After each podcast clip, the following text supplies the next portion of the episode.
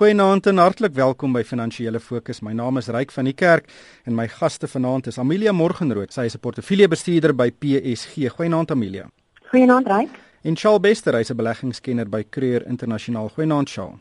Goeienaand Ryk.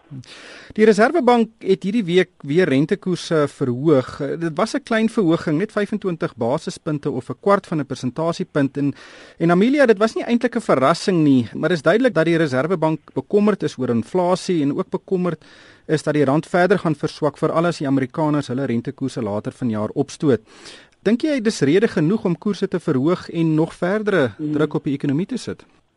Ja, ek hoop hulle gaan dit nie opspreek nie, maar hierdie besluit is maar gebaseer eintlik op 'n voortgesette stel vrese wat nou al vir 'n hele rukkie daar is rondom opwaartse risiko wat ons inflasieverwagtinge betref.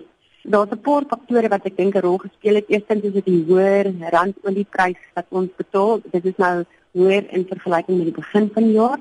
En dit is die hoër mielieprys wat druk plaas op voedselinflasie en die stygings in geadministreerde pryse in Suid-Afrika Dit is alles veroorsaak dat die inflasieverwagting natuurlik vorentoe baie hoër lyk. Hulle ons die die verwagting is dat ons in die eerste kwartaal van 2016 inflasie rondom 7% gaan hê. En dan is daar ook die moontlikheid van stygende rentekoerse in Amerika wat nog verder druk op die rand gaan plaas. So eintlik hierdie is 'n voorkomende maatreel wat hulle hierso ingestel het om nou al reeds rentekoerse op te stoot. Maar die verwagting is nog steeds dat dit 'n besadigde siklus gaan wees dat ons nou 'n rentekoerse opwaarts gaan beweeg dink daar's 'n strukturele hmm. verandering. Dit gaan nie weer so vreeslik sterk soos ons gewind was in die in die verlede nie. Maar sjoe, weet inflasie is nie iets wat jy net met rentekoerse onder beheer kan hou nie. Weet alle rolspelers van die ekonomie moet ook daartoe verbind wees. Weet en ek verwys hierso na na, na looneise en verhogings wat toegestaan word aan mense is baie keer weet dubbelsyfers ehm um, elektrisiteitstariewe word sommer stewig uh, opgestoot tolpaaie petrolheffings en weet nou lyk dit of die reservebankie sy eie oorlog teen inflasie voer maar niemand anders help hom nie. Ja, dis absoluut so en om rentekoerse te verhoog is 'n baie stomp instrument. Maar dis een van die min instrumente wat die reservebank in sy arsenaal het. So hy moet dit gebruik. En hierdie verhoging nou was die kwantum waarvan was baie klein, maar ek dink die intensie van die reservebank is baie duidelik dat hulle na inflasie kyk en dat hulle duidelik besef dat inflasie wel die boonste teikenband gaan breek in die eerste helfte van van volgende jaar. Ek dink hierdie groot aanhou bly wat gaan met die wisselkoers gebeur. Ons sien ander kommoditeitslande se wisselkoers onder geweldige druk. En en ek dink die Reserwebank is baie bang dat ons uh, ons rand verder gaan verswak, dat ons ingevoerde inflasie gaan kry wat ons nog minder beheer oor het en dat uh, die inflasie dalk uh, verder daai daai teikenband kan breek. So ek dink 'n uh, voorkomende maatreel, maar ek dink is die regte medisyne en ek dink die Reserwebank moet maar kyk wat wat wat gebeur van hier af vorentoe. En ons kan niks doen aan die loonverhogings nie. Ons kan nie veel doen aan die ekstydverhogings nie. So ek dink ons moet dit aanvaar, ons moet dit besef en ons ons moet uh, weet dit gaan aanhou om 'n slegte impak te hê op die inflasie vorentoe, maar ons die Reserwebank moet dit bestuur. Dis een deel van van 'n baie belangrike mandaat wat lê. Hmm. Amelia die Reserwebank het ook sy groeiverwagting afwaarts aangepas. Um en ek dink nie ek kan hulle monetêre beleidskomitee vergadering in die onlangse verlede onthou wat hulle dit nie aan afwaarts aangepas het nie, maar vir ja. jaar se groei verwag die Reserwebank gaan 2% wees. Ek dink baie mense sal dit vat as dit op die tafel is. Uh 2,1% volgende jaar wat basies maar dieselfde is en dan 2,7% in 2017. Wat dink jy van hierdie groei aanpassings? Ek dink dat uh, ekonomiese groei in Suid-Afrika baie brood en um, onder onder baie druk en ek dink dit word monetêre beleidskomitee in 'n baie moeilike posisie want as dit nou in 'n situasie so gewoonlik wanneer die rentekoerse wil begin opstoot, is dit eintlik om alles bietjie te laat afkoel, nê, om groot prysstygings en dalk baie aktiwiteite en so net 'n bietjie onder beheer te bring. Maar in hierdie geval is dit glad nie sin ons sit in 'n situasie eintlik waar inflasie gedryf word deur faktore wat nie te doen het met um, die vraag na produkte in Suid-Afrika regtig nie. En um, dit is eintlik meer faktore wat geadministreer is en um, kom van buitelandse kant af in die rand te verswak. So ek dink uh, ons is in 'n benarde posisie op hierdie stadium want met stygende rentekoerse gaan dit nog meer dit gaan druk plaas op ons ekonomie. Ehm um, huishoudings besighede wat betref finansiering en dit het alles te doen met besigheidsvertroue, dit het te doen met werkskepping. Jy weet in 'n in 'n hoë rentekoersomgewing en 'n stygende rentekoersomgewing gaan maatskappye meer versigtig wees om nuwe uitbreidings aan te pak, om nuwe poste te skep. En daar's die bekostigbaarheid van krediet wat 'n groot rol speel en dit kan baie druk plaas op ekonomiese groei So ek weet nie, jy weet ek ek ek, ek dink dit hou niks goeds in vir ons ekonomie en die situasie waarin ons nou is. En ons sal waarskynlik sien dat dit nog verder afwaarts aangepas word. Hmm. Ja, dit is werklik 'n probleem. Uh die ekonomie moet vinniger groei om die sosiale probleme in die land aan te spreek, maar ons het in elk geval nie die elektrisiteit daarvoor nie. Dit die enige wesenlike groei sal kom wanneer Kusile en Medupi aanlyn kom. Marshall, ek wil graag ook gesels oor kommoditeitspryse. Ek wil dit nou nie 'n kommoditeitskrisis noem nie, maar daar's baie baie groot probleme um, met veral die kommoditeite wat vir Suid-Afrika belangrik is. Weet goud verhandel tans teen 1085 dollar. Weet verlede jaar hierdie tyd was dit uh, 5600 1600 dollar. Platinum is op 978 dollar 'n fyn ons. Weet ons het voorheen van amper 2000 dollar 'n platinumpryse gesien. Palladium staan op 621 dollar en dit is die die die kern van ons uitvoere wat uh, vir ons baie belangrik is. Uh, hoe hoe lees jy hierdie kommoditeitskrisis? Ja, um, ek dink dit is niks minder as 'n krisis nie. En jy moet net aan op maatskappy vlak gaan kyk. Jou prys vir die produk wat jy produseer het met 33 en meer persent gedaal oor die laaste 12 maande. Jou insetkoste het geweldig gestyg met lone en elektrisiteit. So die marge druk op hierdie maatskappye is is, is ongelooflik. Weet in in in Suid-Afrika wat belangrik is is dat ons uitbrei, dat ons met nuwe werksgeleenthede skep en ons gaan net sien hoe hoe hierdie maatskappye wa, waarskynlik net gaan terugsny en terugsny en en dit raak nou ek dink 'n um, oorlewingsstryd, so hulle moet koste tot op die been sny sodat die maatskappy kan voortbestaan en, en hopelik kan die kommoditeitspryse weer herstel ergens in die toekoms en, en dan kan hulle weer uitbrei. Wat ystererts aan betref, ek dink uh, as ons net kyk na die geweldige hoeveelheid wat uh, op lyn kom die afgelope 2 jaar, um, dink ek gaan die ysterertspryse nog onder druk bly. Wat ons edelmetale aanbetref, ek dink daar's daar's baie goud in die wêreld en uh, daar's ek dink daar's vreeslik meer aptyd by beleggers om om goud te koop nie. Ek dink die wêreld is vandag 'n um, meer seker plek as wat dit 5 jaar terug of 3 jaar terug was nie en ongeag het die, die goudprys bly daar. Daar behoort, ek dink langer termyn so 'n bietjie van 'n ligpunt vir platinum te wees. Het ons sit op 80% van die wêreld se reserves. Dit is eintlik net ons wat dit kan produseer. Maar 'n hoër platinumprys sal waarskynlik gedryf word deur wêreldwye ekonomiese groei. Europa moet begin bydra, Amerika moet aangroei en en en so ek sien as so die die platinum uiteindelik in die katalisators van die van die motors gebruik kan word. So wat ons nou sien dink ek is um, maar kort verkope, mense wat um, in die in platinum fondse belê het, wat die fisiese metaal gekoop het en ek dink baie van daai kom nou in die mark en dit dryf die pryse af tot hierdie vlakke want want ek dink nie enigiemand sou 'n jaar terug toe ons in, in die diepte van die staking was voorspel dat die platinumpryse tot op hierdie vlak sou daal nie. Maar hy is nou daar en uh, ek dink hierdie maatskappy hoef dit in 'n baie baie moeilike posisie. En ons weet ek die goudmyne onderhandel nou oor lone. So ek dink nie 'n vakbond het regtig 'n baie baie sterk um, sê in 'n baie sterk arm om te gaan beding wanneer dit oor oorlewing gaan vir die maatskappy self nie. Hmm. Amelia, Charlotte nou verwys ook na staalpryse en ystererts en en daar is hmm. ook 'n baie baie groot probleem. Everest Steel het hierdie week een van sy fabrieke gesluit ArcelorMittal, um, ek wil nou nie sê hy het soos 'n baba gehuil by die regering nie, maar hy kla regtig uh, baie intensief by die regering om beskerming in te stel teen Chinese invoere, baie baie goedkoop staal van van China wat na Suid-Afrika toe kom. En daar is selfs sprake dat ArcelorMittal sy fabriek in die Valdrio kan toemaak en dit sal vir daai area hmm. absoluut katastrofies wees. Ja, hierdie week wat nou verby is, was geweldige fokus en aksie eintlik in staalbedryf in Suid-Afrika.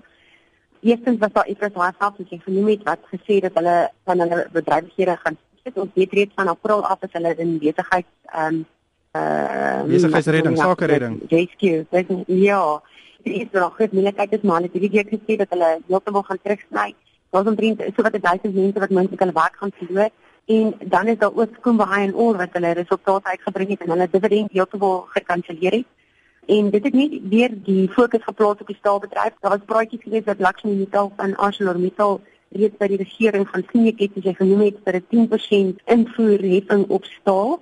En dan baie interessante syfers wat ons gesien het hierdie in hierdie laaste week. Ehm um, China het byvoorbeeld in die laaste 6 maande hulle uitvoere van staal met 28% verhoog. Nou net in die laaste jaar het hulle 100 miljoen ton se staal uitgevoer. Nou baie van daai goed het na Suid-Afrika toe gekom. En Suid-Afrika het in die eerste kwartaal van 2015 nou die hoeveelheid staal wat ingevoer is die deur die Suid-Afrika se grense was ongeveer die helfte van die hele totaal van verlede jaar. So daar's definitief sit by die Suid-Afrikaanse maatskappye 'n groot dryf om goedkoop staal van China af en van ander plekke af in te voer en dit plaas baie druk op ons plaaslike operasies en dit gaan nog meer druk plaas op afleggings en werkskepping en dit dink ek is 'n baie baie groot probleem. En jy weet boonbehalwe die feit dat staal se pryse so dramaties geval het, is daar baie groot koste aan die kant van elektrisiteit en logistieke koste die hoë brandstofprys mm. wat dit baie moeiliker maak vir die Suid-Afrikaanse staalvervaardigers om om besigheid te doen. En dan jy weet die die pryse van die van uh, van ystererts. Dis die een kommoditeit wat persentasie gewys het hier in geval het van al die verskillende kommoditeitpryse van sy hoogtepunt af. Dit hier rondom 2011 was hy op 'n hoogtepunt van net oor 200 dollar per ton en hy's nou rondom 50 dollar.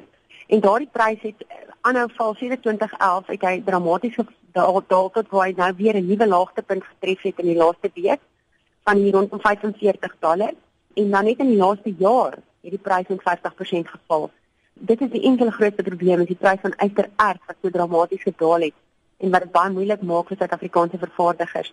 En die probleem is, um, ek kan nie sien dat daai prys gaan ophou daal nie, want jy weet 'n maatskappy soos BHP Billiton vervaardig teen 'n gemiddelde prys van 18 dollar. So daar's definitief ehm um, nog spasie vir die prys om nog verder terug te val. Hmm. So ek sou maar baie versigtig wees om enige maatskappy te koop wat met ehm um, staal te doen. Ja, die kommoditeit in die wêreld wat die meeste geval het die afgelope paar maande is koffiebone. So die koffie aanhangers kan eintlik glimlag daaroor. Marshall, nog 'n groot storie hierdie week was die kommissie van diensbillikheid wat hierdie week sy verslag oor transformasie in die privaat sektor bekend gemaak het. En die kommissie is nie baie gelukkig nie en beskuldig baie maatskappye daarvan dat hulle nie ernstig is oor transformasie nie. En hulle wil nou so wat 1400 maatskappye arbeidshof toe sleep omdat hulle nie hulle verslae by die departement uh, volgens die wet ingedien het nie. En hulle wil ook daai maatskappye op 'n swartlys plaas sodat hulle nie enige kontrakte of tenders van die regering kry nie. En daai boetes is groot. Hulle kan tot 1.5 miljoen rand of 2% van hulle jaarlikse omset opgelê word wat 'n klomp geld is. Uh, wat maak jy van van van hierdie uh, verslag? Ja, ek meen duidelik is uh, die departement van arbeid nie baie gelukkig met transformasie binne in die private sektor nie. En um, soos jy noem, daai boetes 1.5 miljoen of 2% uh, van jou omset wat ook al die grootste is. So dis 'n sweep wat hulle jou mee gaan slaan indien jy nie daaraan voldoen nie.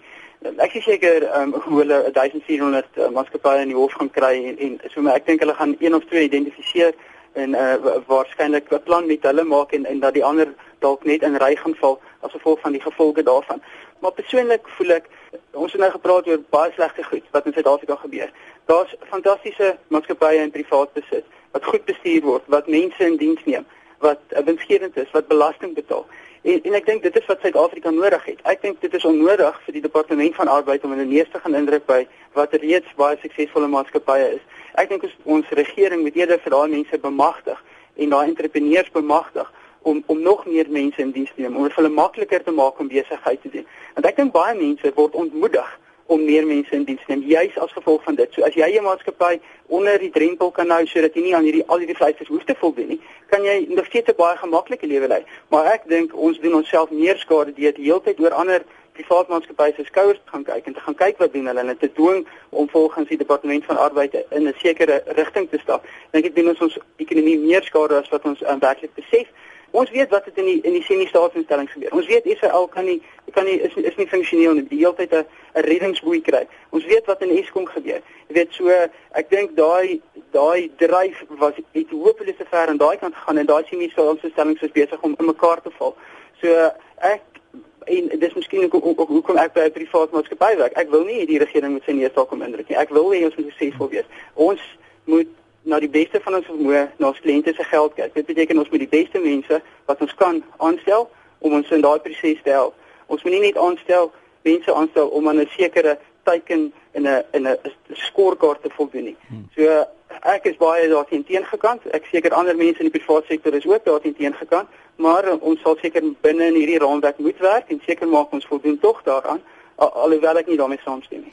Amelia, weet transformasie is uh hmm. een van die belangrikste prioriteite in Suid-Afrika. Weet ons het 'n baie uh rasgebaseerde geskiedenis en uh weet hierdie transformasie wetgewing is is belangrik om daai weet verlede aan te spreek. En ek weet as mens na die statistiek kyk, is daar 'n taamlike negatiewe houding. In 2010 was 73% van alle mense in top bestuursposte wit en 2014 mm. ehm um, mm. was dit 70% is basies onveranderd.